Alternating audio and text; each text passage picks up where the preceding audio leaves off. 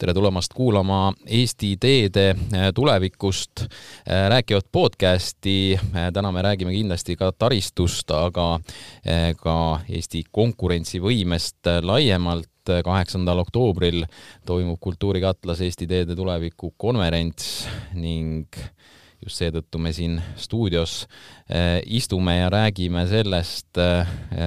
mille ajend on siis see, et Läti on, on välja käinud idee Äh, või õigemini võtnud endale visiooniks siis äh, kahe tuhande neljakümnendaks aastaks üle tuhande kilomeetri neljarealisi maanteid välja ehitada. Äh, tere tulemast saatesse kasvustrateeg Indrek Saul. tere tulemast, teile ka. ja tere ka Swedbank Eesti peaökonomist Tõnu Mertsina. tervist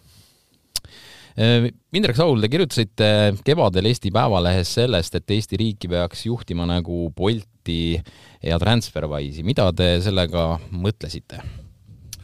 Bolt ja Transferwise mõlemad on äh, väga kiirelt kasvavad ettevõtted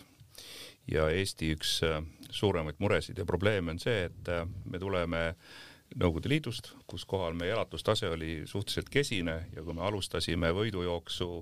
õigemini siis järelejõudmist Põhjamaadele, kuhu me tegelikult väga tahaksime kuulda, kuuluda, siis me olime päris pikka aega päris edukad. Ja, ja, ja siin mõni aeg tagasi kahjuks meie hoog on hakanud raugema. Ja mõte on selles, et äh, niikaua kui äh, Soome ja Rootsi on meist oluliselt äh, jõukamad riigid äh,, siis äh, ja, ja on ka meist oluliselt konkurentsivõimelisemad riigid, siis meie ainukene võimalus, nemad on meie peamised ekspordipartnerid,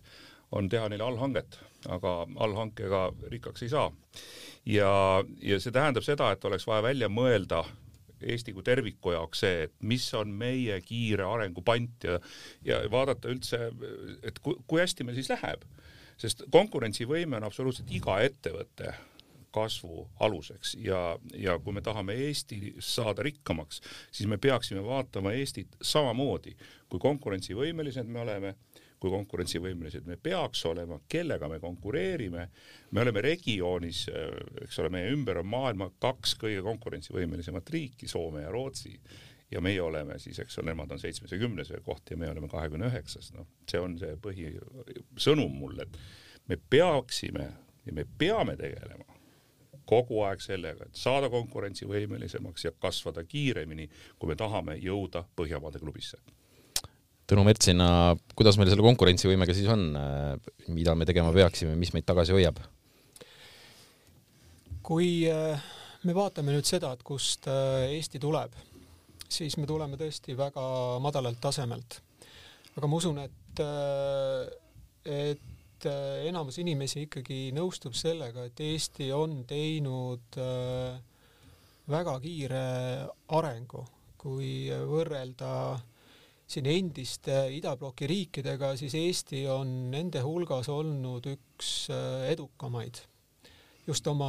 arengukiiruselt, et äh, noh, kui nüüd äh, panna võrdluseks võib-olla siin siin ütleme Tšehhi, Sloveenia, siis need riigid alustasid ka kõrgemalt tasemelt, aga aga kui nüüd vaadata seda, seda seisu, kuhu me jõudnud oleme näiteks siin meie lähinaabritega Läti, Leedu, Soome, Rootsi, siis ega see, see, see võrdlus on juba, juba tegelikult üsnagi hea, et näiteks kui vaadata ütleme tootlikkuse näitajaid äh, või ütleme, võrdles kõigepealt seda, kui, kui palju meil tootlikkus on viimase viie aastaga kasvanud, siis näiteks äh, Eestis just nende riikide võrdluses äh, me oleme teinud äh, kõige kiirema tootlikkuse kasvu. nüüd noh, muidugi äh, tootlikkuse tase on meil loomulikult madalam, kui on kui on Soomes ja Rootsis, aga jällegi kõrgem, kui see on, kui see on Lätis ja Leedus. ja kui nüüd rääkida konkurentsivõimest, siis ähm, isegi kui vaadata niisugust viieaastast äh, vaadet äh, tagasi, siis, äh, siis me olime siin kahe tuhande seitsmeteistkümnendal aastal maailma konkurentsivõimes olime kolmekümnendal kohal, siis me isegi langesime veel ja nüüd me oleme nüüd me oleme juba kahekümne kuuendal, et jah, need indeksid võib-olla on natukene erinevaid ja, ja Läti ja Leeduga võrreldes me oleme kõrgemal kohal, siis näiteks Läti on kolmkümmend kaheksa ja ja Leedu on kolmkümmend, muidugi on jällegi küsimus, et kas me peame ennast Läti ja Leeduga võrdlema, et loomulikult me peame ikkagi võrdlema ennast rohkem Põhjamaadega. Aga seal on nii palju teemasid tegelikult, äh, mis on need riigid sellisele tasemele viinud, et võib-olla me jõuame sellest täna ka arutada, mis üldse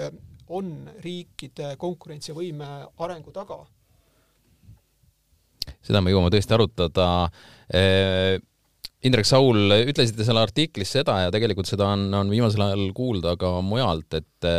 et meil ei ole äh, riigina enam äh, visiooni, ambitsiooni ega strateegilisi eesmärke, mis meil kahtlemata olema peaks, nii nagu ka ettevõtetel ähm, tõepoolest kus need siis nagu tekkima peaksid või millest, et kas see Läti, äh, Läti välja öeldud äh, ambitsioon äh, teedeehituses on, on see midagi sellist, mis ka Eestil peaks olema midagi sellist? ma arvan, et siin me nüüd peamegi rääkima sellest, et millest üldse riikide konkurentsivõime koosneb ja mille poolest me jääme oma konkurentidest maha ja siin on tegelikult kaks olulist asja siis, eks ole, et esimene on see, millega riigid konkureerivad kel, mille peale nad konkureerivad ja, ja mis mõjutab nende konkurentsivõimet, isegi rohkem teemasid. Eesti jääb äh, regioonis ja oma peamiste ekspordipartneritega võrreldes alla äh, riigi konkurentsivõimet määravates tegurites, eelkõige selles nii-öelda, kui head on riiklikud institutsioonid, kui hea on infrastruktuur, teed kaasa arvatud, milline on tööjõuturu efektiivsus ja milline on innovaatilisus. ja kui me näiteks võtame, et, Läti ütleb, et nad kavatsevad investeerida ja ehitada neljarealisi teid, see tähendab seda, et nad tegelikult, Läti muide on ka äh, selles samas seltskonnas, kellest me siin räägime, eks ole, et siis äh, konkurentsivõimelised riigid, lähinaabrid, nende infrastruktuur on ka kesises seisus ja, ja tegelikult sama lugu on ka meil. ja, ja see näitab seda, et nad on võtnud vähemalt ühe riigi konkurentsivõimet mõjutava ja tõstva teguri selgelt fookusesse ja kavatsevad sinna panna raha. nii et, äh, et see on igal juhul positiivne samm. Tõnu Mertsina. Ehm, ütleme, see teema, kui palju investeerida kiirteedesse, on olnud juba väga pikk ja ma ise olen toetanud seda mõtet küll, et Eestil äh, peab olema või kõikidel riikidel iseenesest selleks, et äh, et neil oleks hästi toimiv äh, majandus, peab olema väga hästi toimiv teedevõrk ja taristu. nüüd on teine teema hoopis selles, ütleme selles rahakotis, kui palju meil üldse raha on Läti teatavasti selleks, et ehitada nii meeletus äh, äh, nii, nii meeletult palju kiirteid, peab võtma laenu ja väga palju. mis tegelikult ju tähendab seda, et äh, Läti juba praegune üle, üle ligi viiekümne protsendine võlatase SKP-s tõuseb veelgi. mis omakorda tähendab seda, et kuigi intressid on madalad, siis intressimaksed ikkagi, ikkagi tõusevad. et me peaksime ka nagu selle peale mõtlema, et muidugi on, on siin teine külg, et äh, kui me investeerime taristusse, siis me muudame ka majanduse, võib-olla majandusaktiivsust, mis omakorda tähendab ka kiiremat, kiiremat äh, majanduskasvu aga samas jällegi ähm, ma ei oska küll praegu siin tuua võrdlust äh, Rootsi ja Soomega, aga, aga tegelikult ei ole kindlasti äh, neljarealised kiirteed ainus riigi konkurentsivõime tõstmise äh, selline võimalus, et kui ma praegu mõtlen üldse selliste prioriteetide peale, siis no loomulikult kiir, loomulikult hästi arenenud teedevõrk on oluline aga mis on eriti praegu just oluline, on ikkagi ähm, äh, kõrgelt kvalifitseeritud äh, tööjõud. see on väga oluline ja teine teema just selle teedevõrgu juures on see, et me peaksime arvestama just praegust äh, praegust ja eesootavat rohepööret, et riigid peavad väga palju ka sinna investeerima. et see on ka just eraldi teema just selle taristu kõrval. Aga sellega me oleme, jah, palun, Indrek, Indrek Saul. minu meelest kõige suurem probleem on see, et Tõnu ütles seda, et eh, ei ole teed ainukene konkurentsivõimet tõstev eh, käitur maailma Majandusfoorum mõõdab üheteistkümnes lõikes, alates riiklikest institu-, institutsioonidest, lõpetades innovatsiooniga, ja see kõik on teada ja seal on alamkategooriad ja see on päris hästi mõõdetud ja võrreldav. Eesti suur probleem on see, mitte keegi valitsuses ja mitte keegi riiklikus strateegias ei räägi isegi sellest, et me peaksime riigi kui terviku konkurentsivõimet tõstma ja kui me, kui me sellest ei räägi, et me peame riigi konkurentsivõimet tõstma, noh siis need investeeringud, mida majandusse tehakse, need ongi täiesti juhuslikud. igale poole natukene, jätkame sellelt tasemelt, kus me oleme olnud ja, ja, ja tegelikult isegi ei räägita, kui, kui Eestis räägitakse investeeringud, siis väga tihti räägitakse tegelikult kulude suurendamisest ehk nendel investeeringutel keegi ei kujuta ette, kui tasuvad need on. Tõnu Mertsina. jaa, tegelikult äh, selle kliima eesmärkide täitmise, rohepöörde eh, teemade juures, mida ma olen tähele pannud, on see, et eh, riikide konkurentsivõime teemad on jäänud rohkem varju. ja ma kardan, et see võib olla siin lähiaastate üheks eh, selliseks probleemiks küll, kui seda nii-öeldes tagant ei torgi sellepärast et äh, mida ma ikkagi praegu üha rohkem näen, mille suunas liigutakse, on see, et äh, või millest räägitakse, on see, et äh, inimesed, inimeste poolt nii-öelda see, ütleme, majandus on meie keskkonnale kahju teinud ja me peame seda väga palju hakkama parandama. Ja just eesolevatel aastatel on äh, on väga palju plaane praegu tehtud selleks, et, et nagu keskkonda rohkem kaitsta. ja, ja vähem ma olen lugenud nende teemade kohta, et kui palju parandada just arenenud tööstusriikide konkurentsivõimet, et samas meil tuleks ka kindlasti seda, sellele mõelda, et Aasia riigid kasvavad väga kiiresti ja nende kasvupotentsiaal on ju teatavasti oluliselt suurem praegu, kui me võrdleme Euroopa riikidega ja, ja ka tegelikult USA-ga. nii et äh, see on üks teema kindlasti, millele tuleks rohkem tähelepanu pöörata, et äh, selle rohepöörde kõrval äh, pöörata rohkem kindlasti tähelepanu ka riikide konkurentsivõime parandamisele, just eriti Aasia riikides vastu no Indrek Saul oma loos, mida me oleme siin ka juba maininud, ütlete, et, et, et selline kurja juur võib peituda koalitsioonileppes või nendes pidevates koalitsioonilepetes, mis ei sisaldagi suuri ideid ja arengumõtteid, et seal tehakse selliseid väikseid äh, ja, ja populaarseid mingisuguseid äh, äh, otsusekesi, et räägime sellest natukene, et, et mis, mis siis tegema peaks, et kas nendes lep-, lepingutes peaks olema midagi või peaks olema midagi hoopis nende lepingute ülest? ma just enne stuudiosse tulekut eh, jälle tuletasin meelde mõned põhiasjad ja lugesin oma märkmeid. Eestis on tehtud kokku nelikümmend riiklikku arengukava, millest ühtegi ei ole täidetud. ja, ja noh, sellisel viisil nagu neid eh, koalitsioonileppeid ja kavasid praegu tehakse, et kui me tahame saama teist, tahame saada teistsugust tulemust, siis tuleks ka teistmoodi tegutseda. häda on veel selles, et äh, koalitsioonilepped ja kõik nii-öelda poliitikute vahelised kokkulepped on noh, tegelikult ju meile müüakse parteisid Eesti-siseselt. aga meie majandusedu ei sõltu mitte sellest äh, nii-öelda, mismoodi on parteide, poliitikute ja kodanike vahelised suhted. Väga jämedalt öeldes meie majandusedu sõltub sellest, kui edukad me oleme ekspordis ja kui palju me suudame tuua riiki investeeringuid. Ja tegelikult siin taga on veel kolmas asi, meil on juba töökäte puudus, meil on talentide puudus, ehk see peaks olema Eesti riigi arendamisel nagu peamine eesmärk ja, ja see on, siin on nüüd, me oleme jälle jõuame, eks ole, nii-öelda sellise kiirelt arenevaga siduva tehnoloogiafirma loogikani. mul on vaja investeeringuid, mul on vaja talente eh, ja mul on vaja müüki ja Eesti müük, e, e, Eesti ei saa sellest rikkamaks, kui me pööritame raha riigis sees lihtsalt. et võtame pensionifondist raha välja, kulutame telekate peale, skp kasvab, see ei ole tegelik jõukus tegelik jõukus tuleb siis, kui riiki tuleb raha sisse, mitte ei lähe välja. Tõnu Mertsina.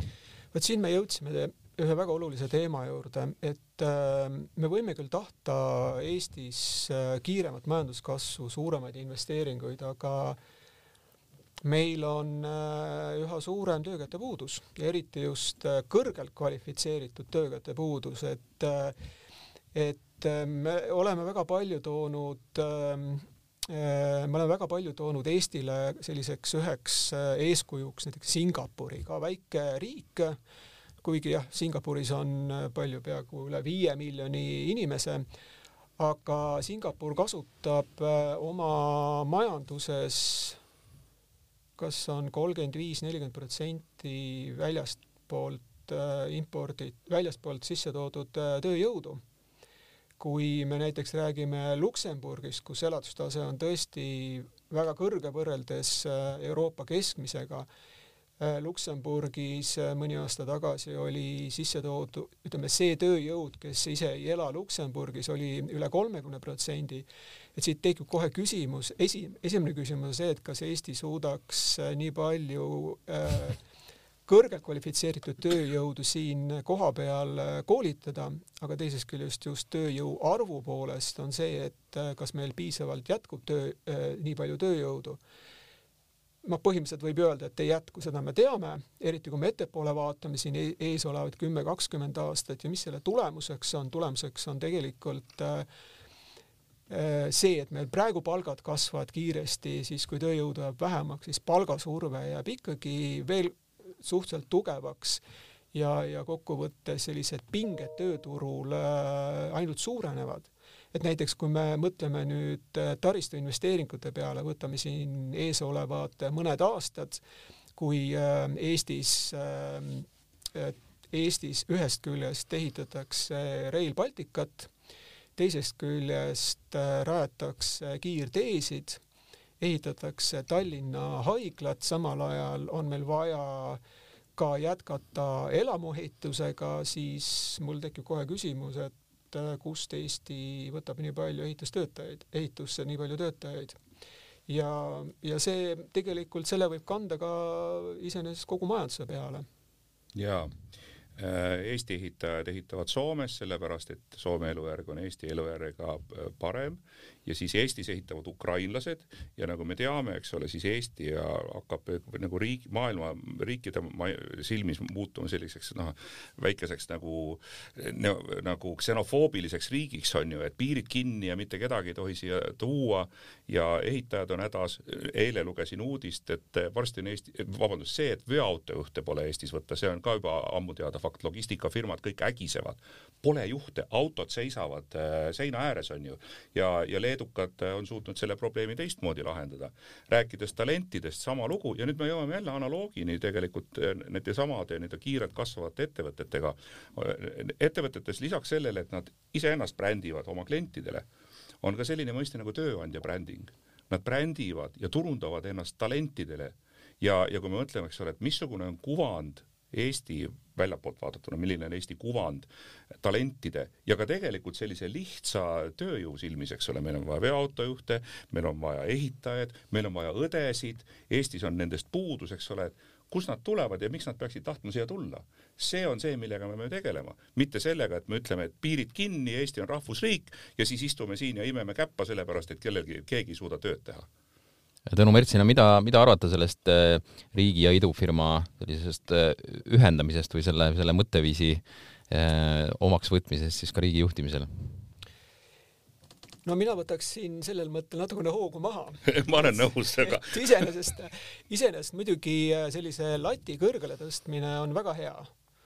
ja ka ma juba siin mainisin Singapuri, et ka Singapuri kohta öeldakse, et Singapuri väga paljuski juhitakse kui äh, sellist ettevõtet. Äh, samuti on ka, võib-olla saab siin tuua võrdluse näiteks, ma ei tea, Katariga või, või ka Araabia Ühendemiraatiga, Emiraatidega või Dubaiga. aga, aga sellise, äh, sellise ütleme, kiirele kasvule kaasaegsele kasvule suunatud äh, majanduse niisugune eesmärgistamine kindlasti peaks olema. ja, ja, ja sellised võib-olla julgemad sammud ka, ma võib-olla mõtlen ka isegi, isegi investeerimisel, kui on vaja ka laenu võtta muidugi äh, laenu võtmise juures on, äh, tuleks olla kindlasti ka väga ettevaatlik, et äh, ma mõtlen näiteks seda, et võtame näiteks eelmist aastat, kui eelmisel aastal oleks meil olnud võlatase näiteks sama suur kui Lätis ja Leedus või veel hullem kui, kui Soomes, siis tegelikult see oleks seadnud ka teatavad piirid äh, meie valitsusele ka, kuidas sellest kriisist äh, välja tulla, sest tegelikult näiteks kui praegu vaadata Eesti väljumist äh, eelmise aasta majanduskriisist, siis siis on äh, Eesti teinud seda justkui majanduskasvu juures on teinud seda Iirimaa kõrval nagu teisel kohal oleme sellest. nii et et sellise riigi rahanduse suhtes äh, ma ei tahaks olla küll väga konservatiivne, aga ka mitte väga-väga hooga laenama kukkuda, selle, kukkuda. näiteks üks selline hea võrdlus on see, et, et kui me võtame äh, näiteks äh, riigi intressimaksed skp suhtes mis Eestil on küll need maksed täiesti olemas, aga ta on sisuliselt null koma või null protsenti skp suhtes siin eelmise aasta seisuga. Lätis ja Leedus oli see null koma seitse protsenti, mis iseenesest ei ole väga suur, aga kui Eestil oleks see olnud null koma seitse protsenti, nii nagu Lätis ja Leedus, oleks see tähendanud eelmises, eelmisel aastal sada kaheksakümmend kaheksa miljonit eurot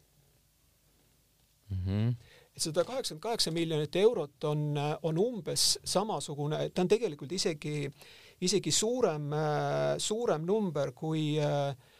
kui meil nüüd uues eelarves on äh,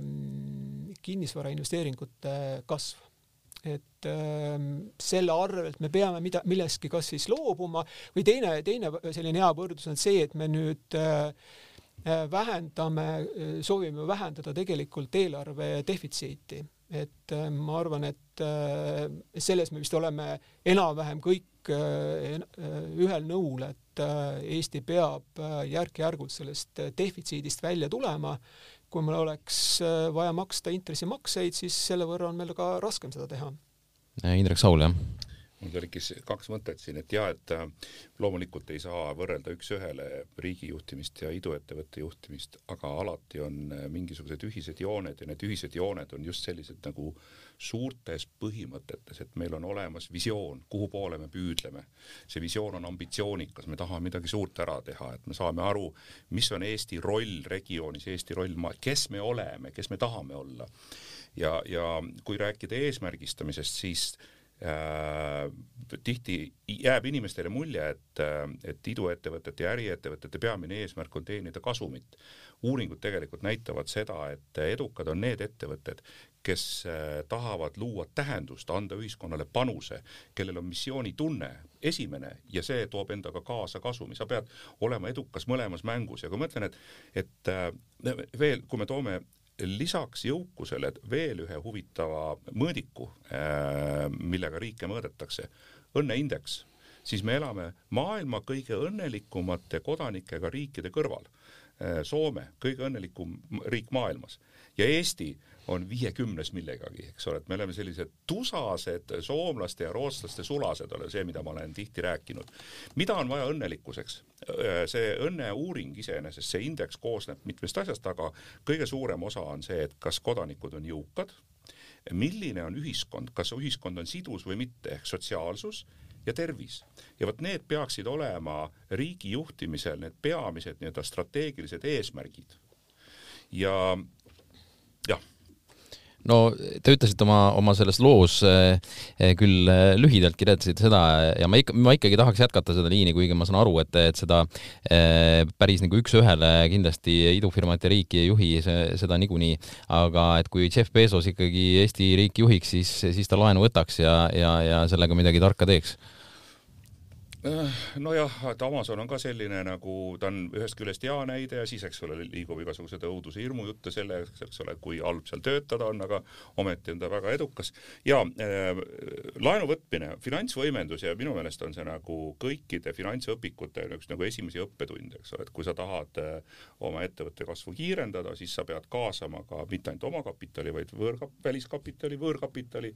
ja, ja mõned ettevõtted isegi ei, noh, ei tõuse lennugi, kui nad ei kaasa laenukapitali. aga nagu Tõnu ütles, see peab olema mõistlikus tasakaalus. siin mul tuleb meelde mingi pool aastat tagasi või vist Maris Lauri ütles seda, eks ole, et kui majandus, aasta tagasi, et, et kui majandus hakkab juba kolm-neli protsenti aastas kasvama, siis tuleks hakata majandust jahutama. noh, kui me tahame jõuda järgi Soomele, siis me peame kasvama Soomest kiiremini ja, ja veel üks huvitav lugu, mis täna just äh, enne siia tulles Äh, ma sellest majanduskasvust ja nii-öelda järgijõudmisest rääkides tihtipeale, eks ole, ju ilgutakse Ansipi kahe tuhande üheksandal äh, aastal välja hõigatud lubaduse kohta viieteist aastaga viie rikkama riigi hulka. siis tunni pärast vaatasin, et, et kuidas meil on läinud Soomega võrreldes. see oli siis kaks tuhat üheksa, enne, enne seda, kui me võtame nüüd sealt selle majanduskriisi ka äh, vahelt välja, oli Eesti, vabandust, siis kaks tuhat üheksa oli Eesti äh, äh, jõukuse tase äh, Soomest nelikümmend kuus protsendi punkti maas. Ja, ja kuni Ansipi äh, väljaütlemiseni kaks kriisiaastat välja võet-, välja jäetuna oli, jõudis Eesti Soomele järele, lähenes Soomele kiirusega kolm koma üks protsendipunkti aastas peale seda, kui Ansip selle välja ütles, lähenes Eesti Soomele kolm koma kuus protsendipunkti aastas järgmisel viiel aastal. ja siis tuli Keskerakonna valitsus ja see kukkus kuskil ühe koma viie protsendi peale ehk tegelikult meie eh, nii-öelda kiirus arengu, ka konkurentsivõime, isegi mis konkurentsivõime, meie rikkuse, meie jõukuse arengu kiirus kukkus kaks koma viis korda. ja, ja see minu meelest ei ole hea. Tõnu Mertsina ja selle laenu teema juures, et ähm, me oleme sellest rääkinud ähm, juba väga pikka aega, et ähm, et igasuguse uue laenu äh, juures on, on selline põhireegel, et kui me näeme, et ähm,, et see laen, mida me võtame või ütleme, see projekt, mille jaoks me seda laenu võtame Äh, muudab majandust efektiivsemaks ja toob raha Eestile tagasi, siis mul kohe küsimus, et miks mitte seda teha tegelikult. ja äh, ega me ei pea, me ei pea tingimata võtma kümneks aastaks äh, laenu või riigi võlakirjasid emiteerima selleks või me võime võtta ka lühemaks ajaks. et selle koha pealt on, on see, see lühemaajalise laenu äh, laenu võtmine võib-olla isegi ühest küljest on kallim, aga teisest küljest ta vähendab äh, kaugemal, kaugemal ole, olevaid riske. et jah, kui see projekt Eestile raha, äh, see investeering hakkab Eestile raha tagasi tooma, siis miks mitte, et see ongi kõige tüüpilisem majanduse võimendus. kui me aga võtame raha lihtsalt äh, sellepärast, et me arvame, et see on äh, võib-olla kasulik, siis äh, ma nagu sean natukene kahtluse alla selle mõttekuses ka näiteks, ähm, ma ei ole küll ausalt öeldes äh, Läti selle teedeprojekti juures kogu selle tasuvusanalüüsiga tutvunud, aga kui ma nüüd mõtlen kui ütleme, selle taga oleks ainult idee, et tuhat kilomeetrit neljarealisi teid muudab majanduse konkurentsivõimelisemaks vast, siis, ähm, siis on see selline natukene kahtlane. Kõhutunne ütleb küll seda, et kui meil on head kiired teed, et siis tuleb siia rohkem ka äh, rohkem ka majandusaktiivsust, aga, aga, aga see ei pruugi nii just olla, selle, selle, selle taga on ka kulud. Indrek Saul. ja, ja kõik oleneb sellest, et kust, kuhu need teed viivad ja, ja kuidas need teed ühenduvad üle, ülejäänud transpordisüsteemiga, noh siin ka just viimastel päevadel ka meedias on olnud juttu sellest, eks ole, et kuidas, kuidas jõuda äh, Tartust äh, nagu mugavalt laeva peale või lennuki peale ja, ja noh, ma ise olen ka kogenud seda, eks ole, et, et kuidas ma elasin Nõmmel kunagi ja tahtsin sõita Nõmmelt rongiga Tartusse loengut andma ja no siis selgub, et et rongi ajad on niimoodi, et üks rong jõuab üks minut peale Tartu rongi väljumist ja teine rong jõuab kakskümmend üheksa minutit enne Tartu rongi väljumist, eks ole, et ma pean pool tundi istuma Balti jaamas, lihtsalt aega parajaks tegema. nii et väga oluline on see, kuhu need teed tehakse ja nüüd, kui natuke mõelda selle peale, et, et mis meid üldse ees ootab ja millised majanduslikud suured muudatused, noh, kui me võtame näiteks selle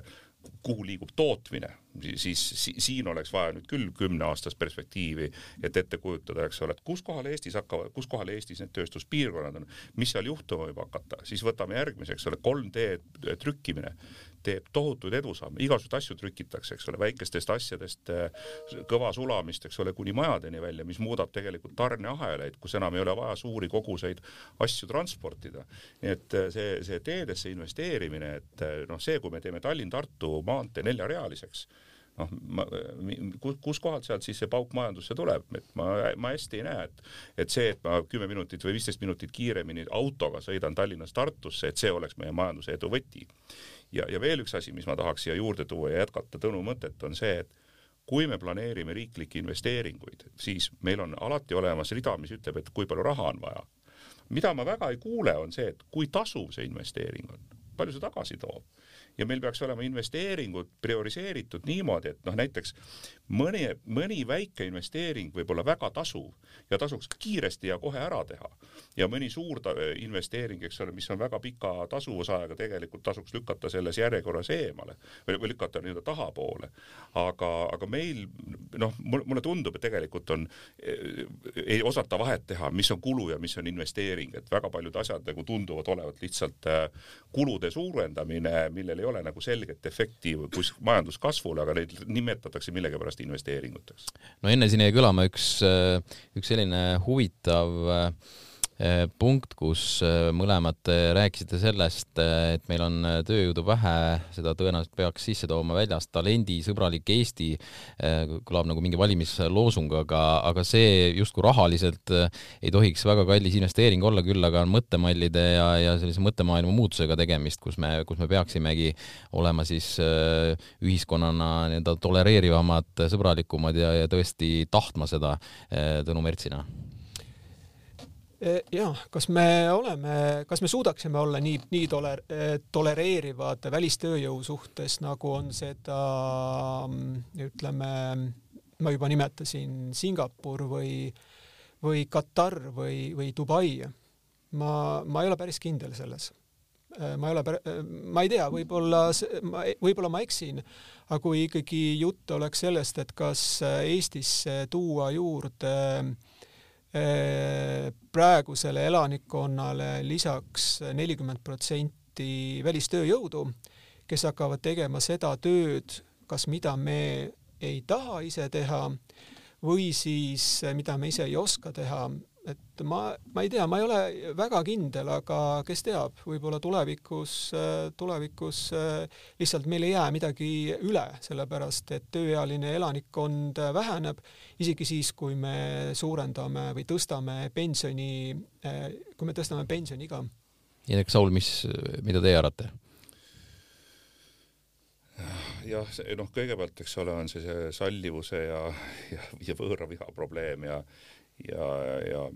minu jaoks on väga kurb vaadata seda, et meil on valitsuses partei, kes aktiivselt seda võõraviha äh, võimendab ja, ja see kindlasti nagu meile midagi head endaga kaasa ei too. ja ega, ega mis siin muud öelda, et äh, fakt on see, et äh, kui me tahame väärtust luua, meil on vaja rohkem inimesi äh, ja nüüd, kui me mõtleme, et, et kuskohalt need inimesed võiksid tulla, eks ole, siis tavaliselt ju see migratsioon ikkagi töötab niimoodi, et kehvema elujärje pealt tullakse parema elujärje peale. mul üks näide, mis mul meenub siin istudes selles stuudios, et ma kunagi töötasin siin kõrvalmajas KPMG-s ja peale KPMG-d läksin tööle PricewaterhouseCoopersisse. mõlemas organisatsioonis oli äh, väga olulisel kohal siis nii-öelda erinevates riikides asuvate kontorite vaheline stažeerimine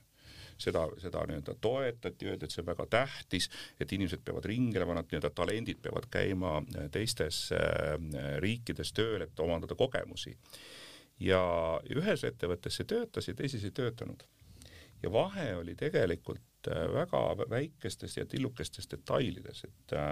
et ühes ettevõttes oli nii, et kui sa tahtsid minna teise riiki tööle, siis ettevõttes olid inimesed üle terve maailma, kes hakkasid tegelema sellega, nii, sa oled abielus, su abi, järelikult sul on vaja elukohta, hakkame peale sellest, sa oled abielus, su abikaasal on vaja tööd, sul on lapsed, su lapsed tahavad minna lasteaeda, kooli, leiame nendele kooli, sul on vaja kolida. Nad, nad võtsid nii-öelda kogu selle asja ära korraldada. Ja tegelikult peaks Eesti täpselt samamoodi, kui me ikkagi reaalselt tahame talente siia saada, vot siis me peaksime nii-öelda ka selle, selle nii-öelda talendi siia toomise tegema võimalikult lihtsaks ja tegema need barjäärid võimalikult madalaks, rääk-, noh, sellest, eks ole, rääkimata, et Eesti peaks olema nende jaoks atraktiivne koht ja üks osa sellest atraktiivsusest on see, kui turvaliselt see inimene siin ühiskonnas ennast tunneb, kogukonnas ennast tunneb. ja, ja noh, kui sa, eks ole, kujutad ette, et kui me mõtleme täna, kuskohalt tulevad kõik maailma talendid, eks ole, tulevad suures osas Indiast ja Hiinast et, et kui tänava peal, eks ole, hakatakse neid sõimama ja, ja, ja, ja mõned saavad kere peale ka, eks ole, et noh, siis kes siia tulla tahab? Lõpetuseks lahendame selle, selle probleemi siis äh, ära ka, et, et kui me tahame ikkagi rikkamaks, tervemaks ja õnnelikumaks äh, saada, et, et millised need esimesed sammud peaksid siis olema, et, et me, et me noh, peame leidma mingi ambitsiooni, mingisuguse oma tee, mida mööda äh, minna, mida moodi siis liikuda Tõnu Mertsina, kust me alustama peaksime? kust me alustama peaksime, no võib-olla ma ikkagi ütleksin selle ära, et ega me nüüd äh, päris valel teel ka ei ole. Äh, nõus. Äh, me peaksime tegema paljusid asju küll võib-olla teisiti, aga Eesti peab esiteks olema, peab oma majanduspoliitikat niimoodi vedama, et me oleme jätkuvalt atraktiivne koht investeerimiseks, sellepärast et Äh, siiamaani on äh, Eesti majandusedu väga paljuski sõltunud äh, välisinvesteeringutest, mida kaugemale me konvergeerume, ehk mida, mida, mida väiksemaks meil või aeglasemaks meil majanduskasv läheb, mida kalli-, kallimaks meil tööjõukulud lähevad, seda vähem atraktiivne me oleme välisinvesteeringutele, võime olla et selle koha pealt peame me seda arvestama, et me peame oma majanduskeskkonna muutma äh, välisinvesteeringute jaoks võimalikult äh,, et see majanduskeskkond oleks võimalikult soodne. nüüd teine teema, mida ma, ma jätkaksin seda, mida Indrek ütles, et me peame, peame ka siin jätma sellise ähm, ütleme, need, kes siia Eestisse võib-olla kaaluksid tööle tulla, et nad näeksid, et siin on äh, stabiilne, turvaline ja äh, ärikeskkond. nii et need oleksid võib-olla sellised esimesed paar äh, olulisemat, olulisemat teemat ja, ja kindlasti ka see, et kui me näeme, et meil on mingi oluline projekt, kaalume selle läbi, teeme selle kohta tasuvusanalüüsi, kui me näeme, et et see toob, et see toob äh, raha tagasi, siis ei maksaks karta ka selle peale laenu võtta. Indrek Saul. mina alustaks sellest mõttest, juhid panevad asjad juhtuma. kõik algab juhtimisest ja juhtimises algab kõik sellest arusaamast, kuhu me tahame välja jõuda, mida me tahame ära teha ja milleks me oleme seatud. ja see tähendab seda, et meil peaks olema riigina kui tervikuna mõned suured eesmärgid selgelt püstitatud. eesmärgid, mis on seotud jõukusega, eesmärgid, mis on seotud õnnelikkusega, eesmärgid, mis on seotud sotsiaalsusega ja eesmärgid, mis on seotud tervisega. ja, ja noh, ma ühes oma, ühes oma e, sellises tavalises esinemises, kus ma sellest teemast räägin, et okei okay,, et Ansip ütles äh, kaks tuhat üheksa, et viieteist aastaga viie Eesti, viie rikkama riigi hulka. siis ma alati küsin, kas te teate, milline on praegu Euroopa rikkuselt viies riik? Island mm. -hmm. ja, ja noh, päris tubli on ju, kolmsada tuhat elanikku, seal on muidugi omad nipid, jätame selle kõrvale, aga, aga meil peaks olema vähemalt mingisugunegi eesmärk, kui rikkaks me tahame saada ja, ja nüüd, kui ma neid arvutusi ju täna tegin, eks ole, siis ma vaatasin, pagan, tegelikult oli Ansipilt täiesti realistlik prognoos. nelikümmend kuus protsenti oli mahajäämus Soomest, kolm protsendipunkti aastas oli järelejõudmise tempo korda viisteist. täpselt me oleksime olnud Soomega sama tempoga täna ühe pulga peal olgu, hea küll, Soome on võib-olla liiga ambitsioonikas eesmärk, me ei suuda võib-olla hoida pikka aega kolmeprotsendilist nii-öelda enamtempot. Hoiame kaheprotsendist, hoiame ühe protsendist, vaatame, kuhu me jõuame. no näiteks sama rikkad kui hispaanlased. ja siis peaks olema ka õnnelikkuse eesmärk, eks ole, maailma kõige õnne, kõige, üks vaeseid riike, aga kus inimesed väga õnnelikud, Tai. täiesti uskumatu. et alustaks sellest, et paneks märgi maha, ütleks, et vot selle ajaga me tahame ära teha sellise asja ja siis on võimalik hakata kõiki ülejäänud asju sellega siduma, kuhu investeerida, palju investeerida, millesse tasub rohkem, millesse tasub vähem raha panna ja, ja veel, eks ole, et, et ma olen nõus Tõnuga, et me liigume õiges suunas. probleem on lihtsalt selles, et me oleme vii-, alates kahe tuhande neljateistkümnendast aastast me oleme tempos